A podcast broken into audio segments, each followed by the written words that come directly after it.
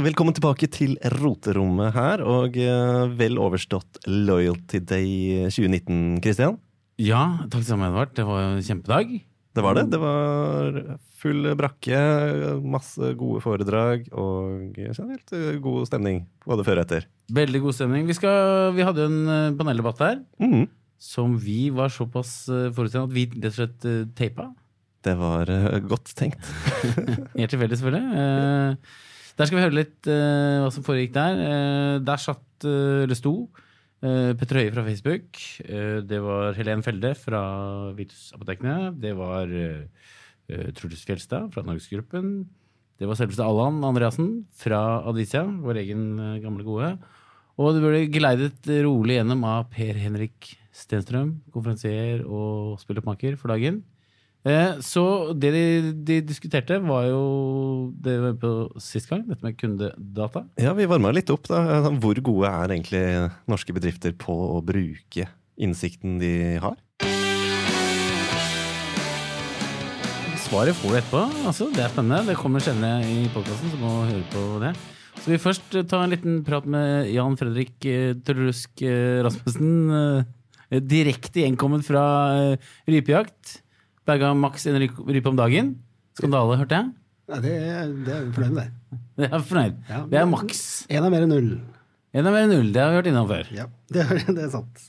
Kan ikke du gi oss en kjapp intro? Hva er det vi skal få høre etterpå? Hva er det de debatterer egentlig? Hva er det som er så viktig med å forstå hvordan eh, norske bedrifter bruker kundedata? Hvor mange var som med? Litt sånn artig statistikk. Ja, Nei, det var jo, som du så fint nevner, altså er det en undersøkelse altså hvor de selvrapporterer. Så det er kanskje litt viktig å nevne det. At det, du får spørsmål om hva, hva mener du, eller hva gjør du, eller hva har dere? Altså Helt konkret så går det jo på eh, hva de har av eh, data eller kundedata, og mm, hva de bruker det til. Og da er det jo, Dette var jo et eh, seminar, Lloyd Today, så da var det både de som var der, men også et representativt utvalg av norske bedrifter. Så Det er da- Ja, det var, endte vel med 600 eh, svar fra eh, represent, altså det representative utvalget fra norske bedrifter, og da 150 av de som var der.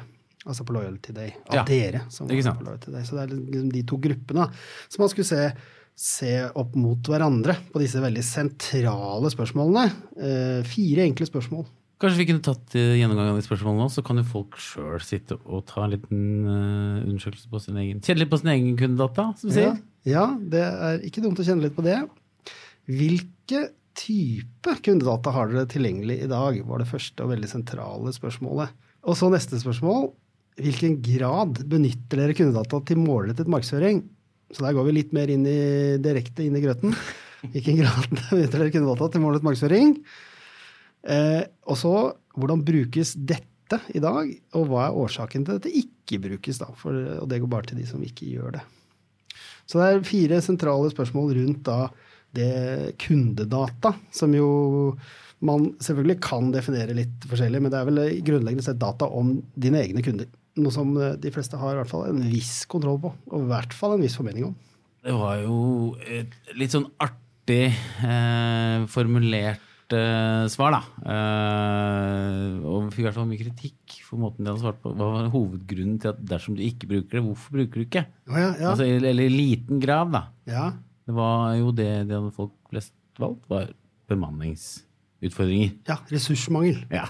For få folk. Vi har ikke tallknusere nok. Det var jo en rekke grunner da, som, som har en eh, ganske sånn lik Det er ikke én ting som Nei. står ut, men det er eh, 31% da oppgir ressursmangel, og så er det like stor gruppe ikke tid og ressurser til strategisk og planmessig arbeid. Så de to er like store. Litt, eh, men det er også litt overlappende, på en måte. eh, Føler jeg at man kan eh, si Det er ofte det man sier om til oss, vi har ikke tid. Ja. Vi har ikke folk, og har, vi har ikke tid til å holde på sånn. Vi må selge nå.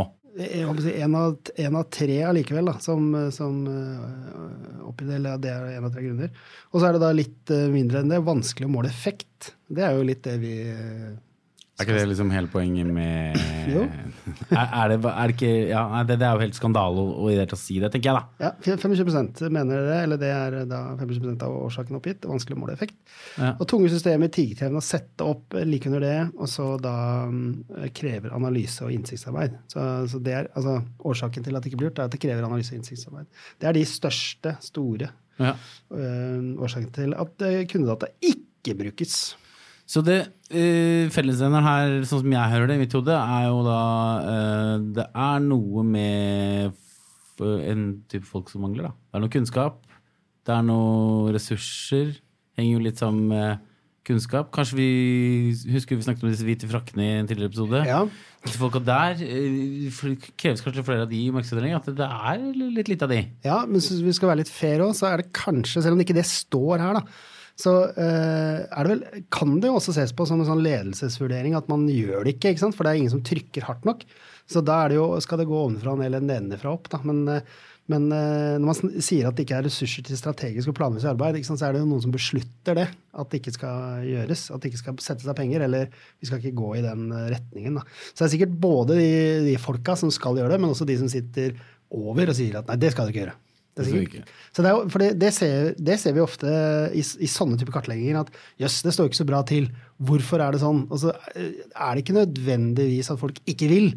Altså at de ikke skjønner det og sånn, men, men det, er sånn, det er forskjellige typer hinder, barrierer mot det. Og det kan jo rett og slett være at uh, man får ikke lov. Eller, eller liksom, det blir ikke tydelig satt uh, fokus på dette. Dette er smart, det skal vi gjøre.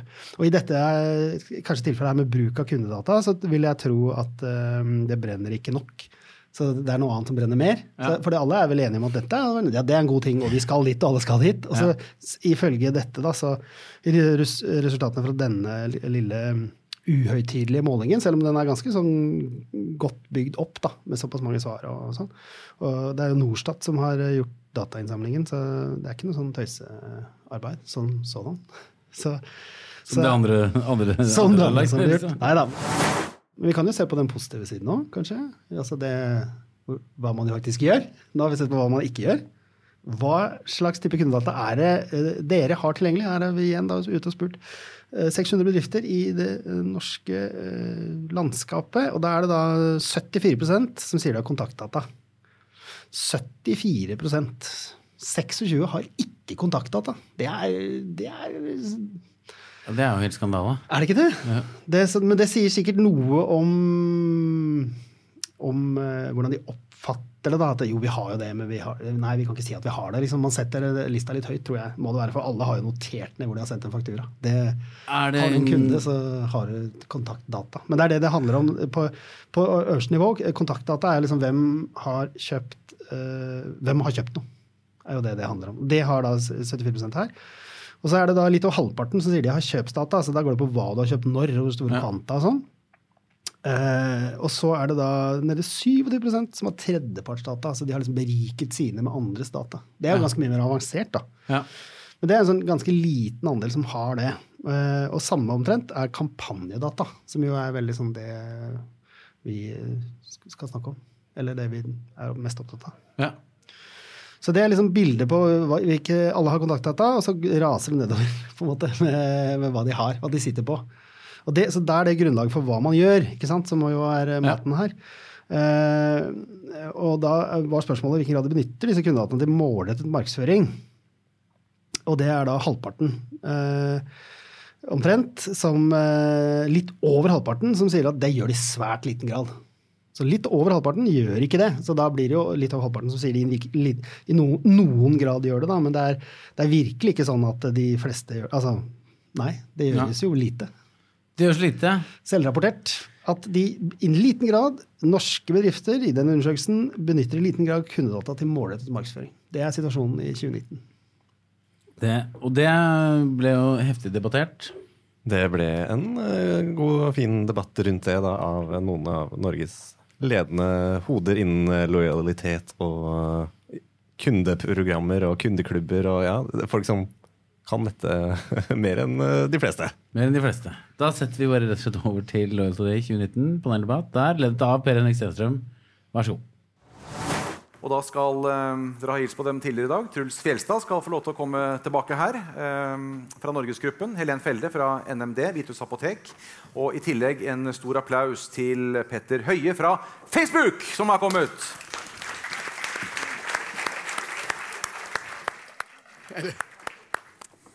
Og for eventuelt nyankomne Så dette her blir fint, det. Flott. Takk. Dette er eh, Helen Felde. Det var lett å gjette seg fram til. Dette her er Petter Høie. Du får gå fram til bordet her. Takk.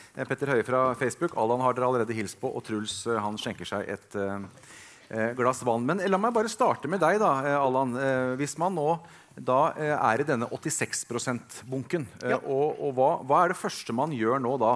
Eh, og kjenne på dette her at dette var litt flaut, eller eh, vi, vi skal gjøre noe nå. Hva gjør man? Det skal gjøre litt vondt. Eh, og så tenker jeg at i første omgang gjør, hva skal du bruke dette til? Altså, Hvordan skal du utnytte dette? Uh, gjør det enkelt. Uh, Istedenfor å Vår venn fra Norgesgruppen var inne på det. Istedenfor å lage altfor kom, kompliserte prosesser, gå ut og teste. Bare se, se hva som funker. Funker det ikke, ja, gå tilbake igjen til skrivebordet. Fordi at eh, omskiftshastigheten nå er så rask at hvis du venter for lenge, så er du parkert. Men eh, Ligger det noe sånn usikkerhet i disse tallene? At det, at det egentlig er noen som bruker kundedata, men ikke vet det? Du er inne på det. Eh, eller noen som eh, tror de gjør det, og egentlig ikke gjør det? Ja, det gjør det så absolutt. Og Ja. det, vi må huske at målgruppa her er hvis Spesielt hvis vi ser på Norstat-undersøkelsen, så er jo det administrerende direktører.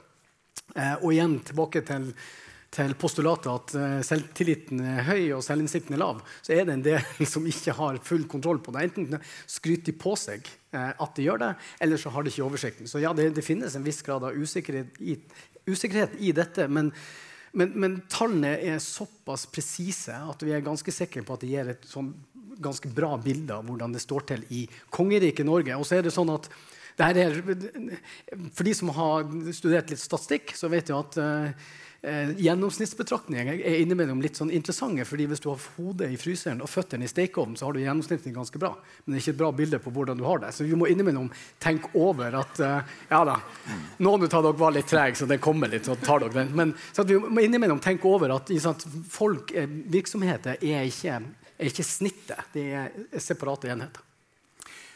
Petter Høie, Facebook. Eh, overrasket over dette her? Eh, Hvorfor ikke? nei eh, Jeg har jobba ti år i Facebook. Jeg har besøkt noen kunder rundt omkring. Altså, man har vel sånn litt innsikt på hva som rører seg, hvordan ting benyttes, og hvordan man betrakter ting, og hvordan man ser på ting. Eh, og jeg tror liksom det at eh, man ikke helt har forstått verdien av dette ennå. Eh, det er derfor jeg er her i dag også. Eh, fordi jeg synes dette er en veldig, et av de mest interessante faktisk, foruma, der det faktisk vises ting som, der data brukes. Dere er ikke redde for å snakke om data. Det er klart sånn Pre-GDPR, sånn for to år siden, ett-to år siden liksom, så var det ikke sånn veldig hyggelig å snakke om data. Uh, hele det greiene ble bygd opp som en sånn skremselspropagandagreie liksom, av medie og alle advokater. og alt. Nå må, vi liksom, nå må vi virkelig ta kontroll over dataen her. Eh, noe som i og for seg var ganske greit. da. Eh, men nå er vi post liksom GDPR, så nå tror jeg vi liksom kan sette oss ned, fundere på hva vi har, sørge for at dataen er compliant, at vi har samtykker, alle disse tingene, og så steg for steg. Hva kan vi gjøre? Vi tar noen små tester. Hva var utslaget? Eh, og så kan du skalere. For dette, det, det som er fint med å jobbe med disse tingene, er at det er skalerbart. Sånn at du kan, kan ta det ut i større dimensjoner etter hvert. Da. Helen eh, Felde, eh, Vitus apotek. Eh, hva, hvis du skal fundere noe over hva, årsaken er til at så få da bruker dette, hva tror du er grunnen? Jeg blir jo nødt til å svare det som sto på sliden her. til tross for at Allan ikke syns det er så smart å svare. Men er man sjef i butikken, så kan man bestemme hvor mye ressurser man vil putte på. Er man ikke sjef i butikken, i mitt tilfelle, så har jeg en halv analytiker. Hun sitter der nede. og hun får gjort så mye som hun får gjort. Um, men det handler jo om å teste, prøve, finne case hvor det her faktisk funker. Og så bevise da, de som bestemmer over alle ressursene. tenker jeg. Ja, Truls Fjelstad, Norgesgruppen, du er jo en ringrev. Vi hørte jo ditt eh, fantastiske innledningsforedrag i dag. Eh, hva tror du er grunnen? Nei, Jeg er ikke sånn veldig overraska over, over, tallene. Jeg tror man må være litt edruelig i det også. Altså ikke, jeg, det, jeg, husker ikke hvem som sa at data er den nye oljen. Altså jeg, jeg, tror det er litt bullshit. Å, altså, jo, men du, du, må være noe for kundene. ikke sant? Det er liksom reklame. Du må si hva du skal gjøre, og så må du gjøre hva du sier. Eh, og da, hvis ikke du gjør det, så hjelper ikke de dataene. Så, og jeg tror det er veldig mange som er, har så mye annet å fikse som, eh, som, gjør at det kan være helt greit. Men gapet er allikevel litt for høyt da, i forhold til eh, de mulighetene som ligger der. Sånn, og det tror jeg har noe med endringsvilje og endringsevne. Ja, Men man har mange andre oppgaver å løse. Det er derfor ja. man ikke går løs på dette her. Og så er det skummelt. Ja. Og så er det mye bullshit. Ja. ja. Hvem er det som kommer med bullshitten? Eller? Det er mye konsulenter i denne salen her òg, men det er, det er, mye, det er mye bullshit, altså. Ja. Eh, det er litt som eh, Han er ikke finansdirektør hos oss eh, lenger, men og jeg, Det er ikke min skyld at han ikke er det, men han var veldig sånn Snakka med litt for mange konsulenter og finansfolk. Så, så, han kom til meg en gang og sa han, hva gjør vi med big data. Og det var litt sånn de har vi liksom putta i andre etasje. Altså det, er, det, er, ikke sånn det funker. Du må, du må, inn i prosessen ut mot kunde, og så må du uh, gå steg for steg. Uh, så, så, jeg tror en del uh, blir litt skremt. Og så syns jeg også det er grunn til å bli skremt. Nå skal ikke jeg snakke ned hva som ble sagt her før i dag, men altså den, den AI for dummies sånn, Jeg tenkte det er grenser for hvor dummies vi er. men på den annen side så er det litt naivt òg. For det er matematikk. Det er statistikk. Det er ikke noen maskiner. Altså, det er matematikk bak der. sånn. Eh, og de dataene som Det var jævlig bra, som samme mann sa. At de dataene, du må ha kvalitet på det.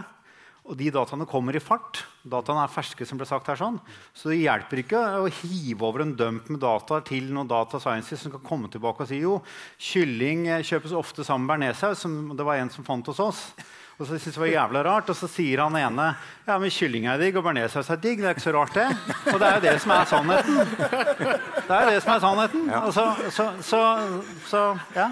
Men, men, det, men, dette er jo litt sånn symptomatisk. da, Nå vet jeg ikke hvor gammel eh, Truls er, men han nærmer seg kanskje 50. Uh, eh, og høy selvtillit. Og, og, og, og prater om altså, at dette her Eh, er han en, sånn, en som ikke har skjønt det? Eh, som kommer med sånne gamle kupongkort og, liksom, og, tenker at det er det som skal redde verden? Nei, motsatt. Jeg tror han har skjønt det. Jeg tror han har skjønt at det, altså, Data er, en, er, et verktøy. Eh, men vi må tenke over hva målet er. Målet er å engasjere kunder. Målet er å treffe kunder. Og da er bare vert, altså data, AI, maskinlæring kundeprogram som sådan, det er verktøy for å komme dit. Vi, med mindre, altså Eh, med mindre du setter kunden i sentrum. så Hvis du setter en datamaskin i sentrum, så er det en datamaskin i sentrum. Og det kan være gøy, det. Men det er ikke så, mye, det er ikke så bra på bunnlinjen etter hvert. Det, en, en annen ting som er, eh, som er, krevende når du får på gode folk som er gode til å regne, eh, og skal finne ut av den 80% som ikke funker da. Eh, når du begynner å gjøre ting basert på data, så har du også gode målingsmuligheter. Og da finner du ut at shit, det funker jo ikke. Det er ganske ubehagelig. altså Gang på gang du tester du ting, enten det er kupongland, det funker ikke. Eh, og så, Da er det jævlig lett å gjøre det som man ikke veit om funker. For da har man i hvert fall ikke det klare streket, to streker under svaret på at det funker ikke. Eh, så du blir ikke noe bedre av det. Du må prøve og prøve, og prøve, så er det noen ting som funker. Vi har veldig sånne hardcore analytikere hos oss. så de sier Vi gjorde en analyse over seks måneders kjøp på kuponger. Da trekker de ut kupongene, for de skal jo ikke telle. Det kjøpet hvor kunden løser en kupong, det skal ikke være med å telle. Vekk fra den. Og så var det sånn 3,6% salgsvekst over seks måneder. Så sier de men vi vet ikke om det er de kundene som kjøper mer, som bruker kuponger, mm. eller om det er kupongene som fører til merkjøp. Uh, og da må du liksom som markedsfører tenke de 3,6% på sammenlignbare kunder de vil jeg ha. Så du må skjære igjennom. Men du får ikke noe gratis av den type analytikere. Får, eh, de kan regne det. De er dritgode å regne, og da får du også alle validiteter. og sånt nå. Jeg prøver å si til noen ganger, Vi skal ikke avsi dødsstraff. Da må du være 100% sikker. Vi skal bare vite om det er mer enn 50 sannsynlighet for at dette er smartere å gjøre enn det andre vi gjorde. Men, Petter Høie, alle, eh, bør alle virksomheter bruke kundedata? Altså, er, det, er det for alle, dette her? Nei, altså Det spørs jo også hvilken type virksomhet du er i. Men er du i en kundesentrisk organisasjon der du har eh, til dels eh, en stor eh, butikkmasse der ute og en, kanskje en online virksomhet, så tror jeg det kan være smart å begynne å samle litt innsikt på hvem som faktisk handler i butikken din, og hvorfor de handler, og hva de handler, og når de handler osv. Og så bør du jo ha en plan om hva du kan bruke det til. Da. Eh, før du eventuelt begynner å samle. Hvis du begynner på null, så kan du jo definere en målsetning med dette her up front. Eh, så de som er i den virksomheten, jeg tror de har litt å tjene på det. Eller ganske mye å tjene på det. Eh, fordi at eh, det har vært nevnt tidligere, da, og Truls var inne på der, konkurransesituasjonene og utfordringene vi står ovenfor, da, som eller retail og en del andre bransjer står ovenfor fremover, det er tightere konkurranse. Det er prisdrevet, det er forskjellig, det kommer nye aktører inn. det er masse greier. Eh, og, og, og, konkurransen er massiv. Også internasjonal konkurranse begynner å treffe Norge. Eh, jeg tror at Du skal ta litt bedre vare på kunden din, finne ut hva de driver med, hvorfor de er kunde hos deg, og hvorfor de eventuelt skal fortsette å være kunde hos deg. Og Det trenger du innsiktsmateriale på. Hvordan ligger vi an i forhold til andre land i verden? Du som ser dette litt utenifra? utenfra. Er vi gode, eller er vi dårlige? Jeg vet ikke. sånn vi er liksom modne i Norge da, på, på, mange ting. Liksom. Men hvis, når vi kommer til kunder Vi har jo sett Kjell Company her i dag. Klassisk eh, svensk retailer. Eh, jeg opplever eh, veldig mye god kundehåndtering i, eh, hos svenske retailere. Eh, jeg tror de ligger langt foran på kundeklubbløsninger og lojalitetsløsninger. Så skal har flytta hjem, vet du. Ja, ikke sant? Ikke... jeg tror, vi er, jeg tror også vi er i, i Norden og Norge sånn generelt veldig slappe til å analysere effekt på det vi investerer og markedsfører. Jeg har jobbet med flere amerikanske selskaper og sett inn på liksom hva, hvordan de Det investeres jo ikke en krone uten at de vet om den kronen har hatt, hatt effekt eller ikke. liksom. Og mye av dette gjør de jo på bakgrunn av at de har innsikter og data på kunder osv. Så, videre. så Så i forhold til en del ting så ligger vi litt bakpå, er litt late og fete her, kanskje. Det er det det dreier seg om. Ja. Og så er, er, det litt sånn alle skal gjøre dette her, da. Eh, og, og Helen, eh, i forhold til apotek da, og stor omsetning, jeg vet ikke om det er en milliard, milliarder eller Men en offline virksomhet altså i stor grad, fordi folk de kjøper ikke så mye sånt på online. Det er bare det som er flaut uh, å kjøpe. Det tar man på online, kanskje. Uh, jeg snakker på vegne av en venn, da. Uh, og, og, og, og, er dette da egentlig noe du skal drive med? Med masse pasientopplysninger og skitt og lort og sensitiv informasjon? Ja, det var jo egentlig som jeg sa i, i, dag tidlig, at vi må være veldig forsiktige med hva vi håndterer, hva vi henter inn av data. GDPR er ekstremt viktig for oss, og ikke minst den tilliten som våre kunder har i forhold til apotek. Eh, derfor skal ikke vi holde på å bruke all den dataen vi har. Vi har satt grenser på hvilke type data vi ønsker å bruke i forhold til å være relevant for kunden.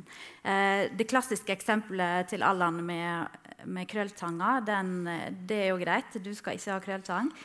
Men eh, vi har jo eksempel hvor folk da kanskje har vist interesse for eh, graviditetstester. De er jo så vidt gamle nok til å bli gravide osv. Eh, det er jo ting som vi selvfølgelig ikke skal bruke og fronte tilbake igjen.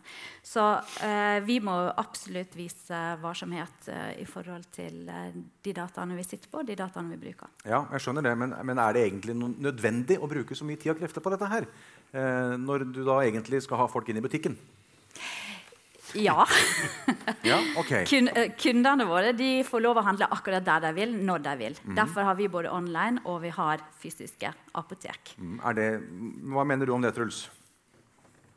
Om det er nødvendig å drive med det? Nei, tror, ja, om, om, er, er, skal alle gjøre dette her? Nei. Nei? Jeg tror det, er, eh, det var litt det som var poenget mitt i stad. Altså, hvem er det vi fighter med? Altså, Amazon har vært uh, det går litt opp og ned. da, 8000 milliarder kroner. Oljefondet har vært 9000 milliarder kroner. altså Bare smak litt på det, hvor svære aktører vi Så hvis vi stepper opp da, og bruker ti ganger så mye som det vi bruker i dag, det er ingenting sammenlignet med hva Amazon og vår venn her fra Facebook og Google og sånn klarer. Så det handler om å liksom finne hvor kan vi gjøre en forskjell. Derfor må det være veldig tett opp mot kunden. Så tror jeg vi må jobbe sammen. Altså jeg, tror, eh, jeg tror eh, flere norske retailere, og vi kan være interessert i å snakke med noen eh, flere. Coop er sikkert interessert i å snakke med noen flere osv. Noen ganger må du tenke klarer vi dette selv. Veldig mange klarer ikke det. Så det, det, det, tror jeg blir den store forskjellen framover. At du får mer, mer, samarbeid. Jeg har litt lyst til å si noe om det med sensitivitet. for vi, måtte, vi hadde en runde med tilsynet. For vi, vi satt på halalkjøtt. Du kjøper det, liksom? Ja, da kan vi si noe om det. Det er jo sensitivt. Og er sammen med allergener osv. Hvordan løste vi det? Eh, hvor vi sa til tilsynet at ja, vi kan ikke Det blir jo, og, og det blir jo å, å misse eh, Eller å eh, differensiere negativt og ikke gi de kundene som har en allergi. Eh, for de blir så hakkende forbanna når de får det der brødreklamen på det brødet de ikke kan spise. Så, så liksom, eh, da handler det om god kundebehandling. Si at det er dette kjøttet du vil ha, fordi det er det du pleier å kjøpe. Og så har vi en veldig streng personvernpolicy at vi skal ikke bruke det til noe annet enn å, å gjøre det enklest og best mulig for kunden. Det vi erfarer nå, er at kundene begynner å forvente den segmenteringa. Vi får kunder, vi hadde en kunde, egentlig en litt morsom historie, ringer inn eller sender e-post. Eh, 'Hvorfor får jeg ikke vegetar? Eh, hva skjedde her?' liksom? Det er bare kjøtt i e-posten min. Jeg skal ikke ha det. Eh, noe er feil. Og, og der, hun, hun, trodde sannsynligvis at hun hadde hooket av, men det, det, har jo bare skjedd av seg selv. Så det må være feil. Så vi sjekker. Nei, det er ikke feil. Det er kjøpt noe kjøtt. Ikke F, liksom. Det er ingen i vår husholdning som kjøper kjøtt, liksom. Eh, det må være noe feil. Og så er det litt sånn Det er en mann i husholdningen. Altså. Er, han, eh, han, har kosa seg med kjøtt eh, når de andre var borte. Eh, og bearnés, eller? Og sikkert bearnés òg.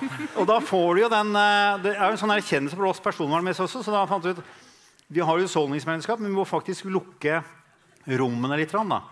Jeg, jeg, var nesten som om jeg skulle vært flue på veggen den kvelden hjemme. Liksom, for det var sånn utroskap liksom, å kjøpe kjøtt. Men, men, så kundene venner seg til det, og de forventer etter hvert. Derfor så blir det vanskeligere og vanskeligere. Så blir det liksom idioterklært når du får den krølltanga eller mm. kokt skinke eller et eller annet i noen ja, altså, tror jeg også vi skal, altså, jeg er, Det kom kanskje ikke en overraskelse, men jeg er ikke spesielt glad i mennesker. Jeg syns de er skumle folk, men det er jeg glad i å analysere. Eh, men innimellom må vi tenke at vi det, vi overanalyserer. Kan ha en tendens til å overanalysere. Eh, og ironisk nok så analyserte jeg eh, 600 000 trans... Eh, ja, 600 000, eh, et datasett på 600 000 case eh, hvor jeg så at et hei i butikken Det var en fysisk butikk, da. Men et hei i butikken ga en signifikant uplift på kjøp de som kom dit, som egentlig ikke tenkte de skulle kjøpe noe, men som, jo, eh, som kjøpte likevel. Og det er noe med at Innimellom så overanalyserer vi. Når det, vi egentlig, det er folk som Ok, så har vi netthandel osv., men det er folk som kjøper folk. Uh, og det må vi aldri glemme. Hvis vi da tror at vi, altså For de som er økonomer her, som tror at de kan regne på alt og klarer å regne verdien av alt, så klarer vi ikke det. Det er heller ikke sånn at vi mennesker er 100% rasjonelle i det vi gjør. Tvert imot. Og heldigvis. Det er altså å tro at vi har en forklaringskraft som det heter i statistikken, på all atferd. Neppe. Så Derfor så er, det, det, det, er lurt å analysere, det er lurt å tenke, men så er det også innimellom lurt å være litt sånn edruelig i forhold til hva betyr dette egentlig. Kan vi bruke det til noe, eller er det bare bortkasta informasjon? Eh, Petter eh, eh, Høie, vi må snakke om GDPR. Er det sånn nå at folk har bare satt seg ned i båten og sitter stille og rolig og tenker at dette blir så dyrt? det er jo noen vanvittige bøter man hører om. og så lar vi dette her, og så venter vi til det, til det går over. Hva, hva, er det, GDPR har gjort med all behandling av kundedata? Jeg tror først og fremst det har skapt en bevissthet om sensitiviteten i dette. og satt eh, noen kjøreregler. Eh, mange har gjort eh, ganske tunge auditer. Den tyngste står vel han antageligvis for. som en, var en veldig solid prosess, men en grundig prosess som ga mye svar på mye ting. Da. men det er klart, har du svarene, så kan du også gå videre. så nei, jeg føler egentlig at det er business as usual hos ja. mange. men det er nok noen som kjører litt fort i høyrefylla fortsatt. Ja, og Truls, altså dette her eh, er eh, Dette kan jo svi. Eh, og har vi, liksom, har, har vi skjønt egentlig helt hvor, hvor problematisk Nei. dette er, er? Nei. Mange har, ja, nå, det, det, det, har seget innover en del. Altså det, det, var I fjor så ble det jo ikke 25. mai. Det ble er det ikke i fjor, da? Jo, tida går ikke så fort. Ja. Eh, og så ble det vel 1. juli, og det var, det var litt hump i veien. Tenkte mange. Mm. Det går over struts, Problemet når du er struts, da, er jo at du kjører huet i sanda, men du blir på en måte noe som pleier å si rumpa blir stående rimelig liksom, eh, naro, eh, naken og bar eh, i været. Det er jo ikke smart i, i lengden. Så det går ikke over. Eh, og tilsynet Jeg har prøvd å få det norske tilsynet til å komme med avklaring på cookies. For vi hadde en veldig streng fortolkning, sånn som vi leste loven. Og trackinger av kunder, remarketing, retargeting. Vi sa slutt. Vi slutta tvert. Ikke noe. Nada. Ingenting. Ingen cookies. Får ikke svar av dem, men så kommer det nå for tre uker siden, så smeller det. det er, eh, du skal forstå som kunde, også på internettet, at når du er der, eh, så du, og så går du videre til neste, så skal du ha sagt ja til at det trekkes videre. Det er jo det er helt obvious. Eh, så den, eh, den lå jo på tilsynet til langt ute i september på sine, eh, Datatilsynets hjemmesider, egne hjemmesider. At nei, det ligger, den samtykket ligger i nettbrowseren. Det var feil. Så her er det mange som har Og det må vi som har kunden selv, kjenne på. Det er vi som får boten, det er vi som får kjeften. Så vi må bare ikke tro på de som mener å vite. Ah, igjen, Det blir veldig mye negativt om konsulenter her. Men den, man får den smekken så sinnssykt. Eh, enten i form av negativ PR, som kanskje er den potensielt største kostnaden, eller om du får en bot på noen prosent av omsetninga. Og jeg fleipa min her. Jeg vil ikke sette rekord i, i bot i Norgesgruppen. Det, det er jeg ikke noe keen på. Men vi har ikke, du mener at vi ikke har, ikke, vi har ikke sett he- helt Nei, eh, jeg isfjellet? det er så naivt. Altså, du snakker med folk, så er det sånn Ja, men vi veit ikke hvem kunden er. Vi har bare modellert ned Ja, du veit ikke navnet på kunden, nei, men eh, så lenge du tilpasser budskapet når jeg flytter meg fra dit til dit, Mm. og du har gjetta at ja, men han er jo mann, og han har lest de artiklene, og det interesserer ja, Det skal jeg vite om. Jeg skal godkjenne det. Så vet jeg at det er noen piksler og sånt, og han er ikke nødvendigvis helt enig, i han der, men der har, eh, men Men det- der har det jo skjedd en endring de Men siste det, årene. men det er jo noen sånne mobile operativsystemer nå som driver og blokker ut alt dette her. Og det skrur litt uh, lyset ned for alle som jobber for Allan og alle som jobber med kundedata. Det skal jeg egentlig i prinsippet si litt om etterpå, uh, tror jeg. Men uh, jeg kan vel si det sånn at piksler eh, går sakte, men sikkert mot en sikker gravferd. Ja, du, har, du har skjønt det, da? Ja? Eh, Hva, hva er piksler? Cookies. Cookies. Det er et, et eh, snippet koder som tracker eh, informasjon. Eh, og det vil jo skru av lyset for en god del markedsførere. eh, fordi altså det brukes jo til å måle innsikt og altså ROI, f.eks., mm på, på transaksjoner osv. Eh, men det fins løsninger. Eh, det skal jeg ikke snakke om i dag. Uh, det, de er foreløpig såpass avanserte, men det fins løsninger for å bypasse alt det der.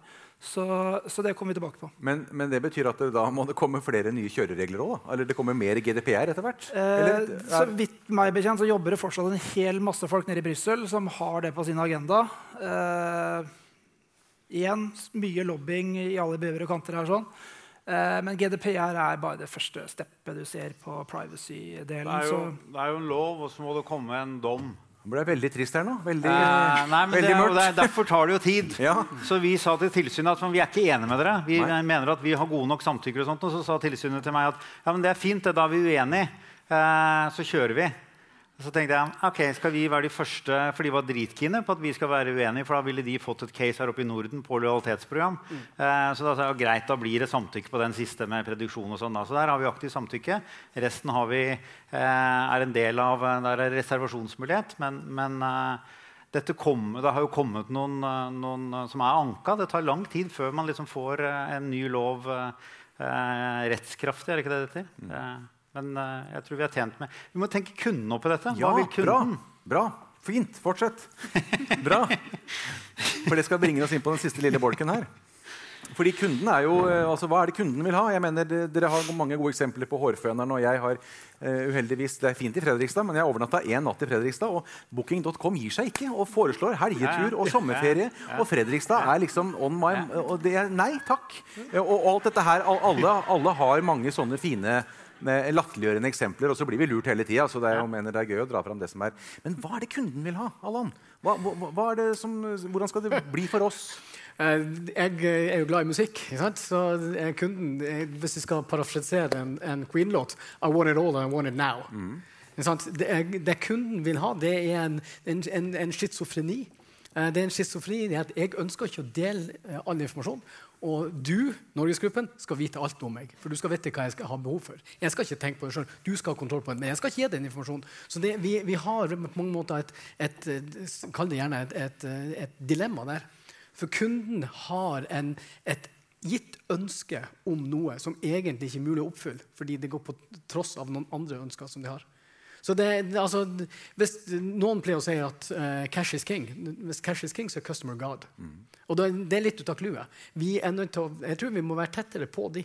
Uh, og så må vi være tettere på de og forstå at kunder er mye mer komplekse enn vi tror de er. Og innimellom litt enkle folk som skal bo i Fredrikstad. Ja, ja, ja. ja for all del, nettopp. Men, men, dette her er jo noe som Facebook må være opptatt av, Petter?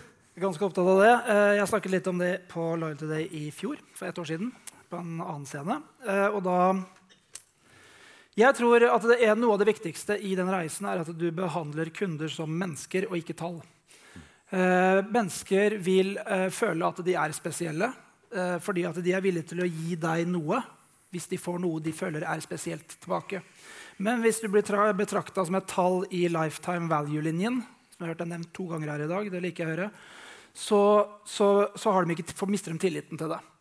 Eh, men, så, så, Det er derfor det er viktig liksom, uh, disse tingene her. Sånn. Hvis, du, hvis, du, bare er et produkt i eh, profittmaksimeringen, et tall i profittmaksimeringen, så er ikke dette kult i det hele tatt. Men hvis du er et menneske der du kan bygge en relasjon eller en lojalitet til et selskap eller et varemerke, der folk føler at de får eh, verdi tilbake i forhold til hva de gir, da har du en stor, stor mulighet på å lykkes til å ha en bedre lifetime value med den, det individet da, eller den personen. Mm. Det tror jeg. Helen? Mm. Ja, men Det er jeg enig i. Det, det, tror jeg er veldig viktig. Uansett så tenker jeg at eh, lojalitet, lojalitetskonseptet, kundekonseptet, det er jo bare en del av kundeopplevelsen. Og i hvert fall for oss da, så er jo det desidert viktigste er jo det som skjer i kundemøtet i apotek. Eh, vi er en viktig rådgiver og en god hjelper for eh, våre kunder.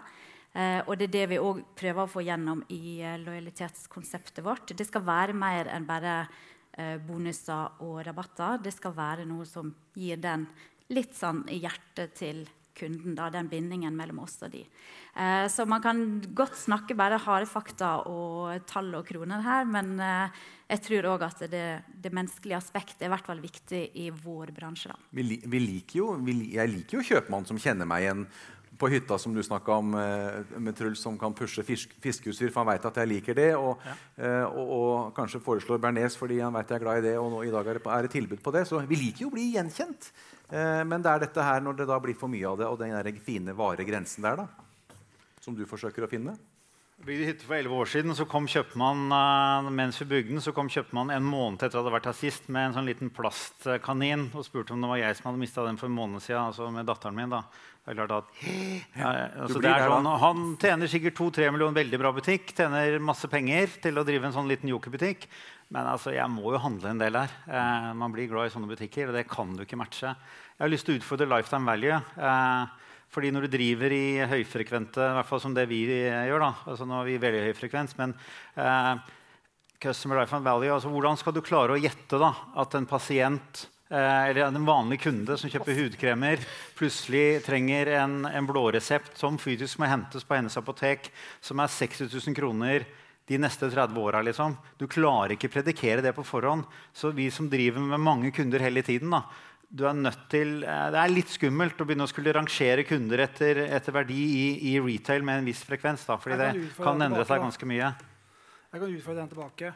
Det blir jo litt som uh, å predikere, predikere, predikere om og lifetime value, for Hvis du driver bensinstasjon og du har jobbet i uh, nå som elbilene kommer du, liksom, du, vet ikke helt når de skifter, liksom, men det er jo ikke det de tjener penger på lenger. De tjener jo penger på å selge pølser og kaffe, og sånn, og det kan du predikere og bygge lifetime value på for å ha en lojal kunde. Det er jo derfor kaffekoppen kom. Liksom. Jeg vil ha den tilbake hver dag for å kjøpe kaffe. Det er jo, apotekene de tjener penger på kosmetikk og hudprodukter. og masse disse tingene. Der kan du predikere lifetime value. blå resept det ligger litt lavt. Men når du har, eh, det jeg mener er at når du har en kunde som blir en kroniker, ja. så får du den frekvensen. Det klarer du ikke å predikere. Altså innenfor den norske forbrukeren, Vi er oppvokst i et sosialdemokrati. Den norske forbrukeren vil gjerne bli forskjellsbehandla.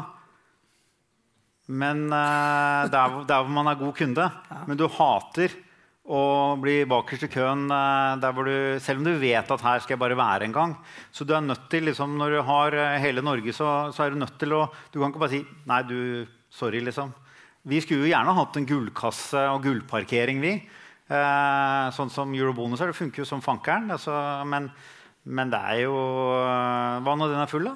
Altså, er, vi hadde bare tre sånne, så var det fire gullkunder inne samtidig. Altså, det, er, det er vanskelig sånne ting. Da. da må du tilbake til relevans. da. Og hvis du begynner å forskjellsbehandle på en gjetning om verdifull kunde i et livstidsløp ja, Man skal ha en forhold til det, men å dytte det ned inn i databasen Der vil jeg score kaffeinteressen og kjøttinteressen og vegetarinteressen osv. Eh, ikke de neste 20 åra. Det er litt annerledes i din bransje. det er det. Men, men disse lojalitetsprogrammene, da, når de bare er kampanjeverktøy, da funker det ikke, mener du også? Ja, Vi gjør kampanjer isteden. Ja. Mm. Det blir så sinnssykt. Blir, eh, kona mi er eh, hardcore. Ja. Eh, først er du medlem, og så husker hun ikke. Eh, og så sier jeg mobilnummeret. For, ja. Jo, så var hun medlem, så fikk hun 100 kroner off. og hvis hun ikke er medlem, så blir hun medlem. og så går hun hjem og så takker hun nei til e-post. så har hun fått 100 kroner på det første. Uh, så det er liksom den ene. Hvis du gir for mye for å få opp den basen til 1 million eh, med en gang, eh, det, det mener jeg er tabbe. Det må, liksom ha, det må være en interesse, et engasjement der i utgangspunktet. Og hvis du bare dunker på Jeg meldte meg inn i Maxbo-klubben for søndagstilbud. Altså, sorry, ass, det er sjanseløst. Jeg har brukt over 100 000 kroner på Maxbo det siste året fordi den beliggenheten er der sånn. Men jeg, er, jeg trenger ikke Kercher, høytrykksspyler. Det er bare hårfønere og, og krølltanger som kommer. liksom. I, i, sånn at glem det, da. Eh, send nei, heller eh, Ikke kall det en kundeklubb. Nei, eh. Så hvis Max bare er så huka Sorry. sorry. så, eh, ok, fint. Eh, vi skal runde av dette her, men dere skal få lov til å gjøre et sånt kort lite sprang nå. Eh, fem år fram. Loyalty Day 2024. hva snakker vi om da når det gjelder kundedata? Allan? Hvordan ser det ut da? Realisten i meg sier fryktelig likt som i dag. Ok. Dessverre. Uh, da må du ha solgt noen tjenester. Da må du ha fått opp det tallet her. Ja, men, eh, altså, sånn er det. det der her er, jeg, tror ikke, jeg tror ikke både Big data, altså kundedata, har vært eh, på plass i mange, mange, mange, mange år. Mm -hmm. eh, vår evne til å utnytte jeg har ikke nødvendigvis ekspandert, selv om datakraften har eh, ekspandert eksponentielt. Sånn at den, det mentale skiftet som du må ha hos norske virksomheter. Jeg er litt usikker på om vi faktisk er der. Om, altså Store virksomheter, en del av dem. eh, Norgesgruppen eh, Gjensidige har vært i prat med de, de er nok der. Men for, det store hopetallet av norske virksomheter litt usikker på om vi er i stand til å si at ja, okay. vi bruker det mye. Behøver ikke å komme på Loyal i 2024, da. Eh, de som sitter her, eh, husk det. Eh, men eh, du skal få si det i foredraget ditt, Petter. hvis ikke du insisterer på å ta det nå. Truls, vær så god. Jeg er jo litt mer sånn, jeg tror det blir litt dramatikk de neste årene. Da. Så det er litt det jeg sa i stad. Du, du, har lav befolkningstilvekst. Svenskene har flytta hjem, og de andre kommer ikke. liksom. Ja, men Det påvirker ganske mye. Eh, du har en sirkulærøkonomi som, som slår inn på totalforbruket. Eh, du har eh, generelt folk som er opptatt av å dra ned prisene. Og det er en kraftig overetablering i antall. Så hvis du snakker retail-delen, så tror jeg i 2024 så sitter vi der og diskuterer også litt hva fankeren skjedde. Hvordan skal vi unngå at det skjer oss? Jeg tror det kan bli tøft der framme. Og, og, også for sånne det er, det ikke bare på tøys og tull at jeg sier at vi, Norgesgruppen vi er små. Den dagen ikke vi skjønner at vi er dritsmå, så tror jeg vi er basic. For vi må forberede oss på at Amazon kommer inn, kjøper Rema Europris og, og Komplett og Smack, så har vi eller Lidl eller et eller annet. Jeg tror ikke det kommer til å skje. Hvis ikke vi er forberedt på at det kan skje, så har vi ikke gjort hjemmeleksa. Og hvis, hvis, vi forbereder oss, og hvis det ikke skjer, så er vi jo dritbra rigga. Ja. Helen? Ja, altså 2024 På eh, helt sånn mikronivå så regner jeg med at jeg har mer enn en halv analytiker. Kanskje tre eller fire. Uh, på den andre siden så er jeg litt redd for at uh, nå skal vi alle som er her, skal ut og jage disse dataene. Alle skal ut og ha tak i kunden og informasjonen. Og det kan bli en metthet blant kundene som gjør at òg fordi at GDPR sier at du skal aktivt samtykke, så er det flere som sier nei takk. Og da blir den basen litt mindre. Det kan være en trussel, tenker jeg. Mm. Ok, vi får se. Eh, tusen takk for dette ordskiftet.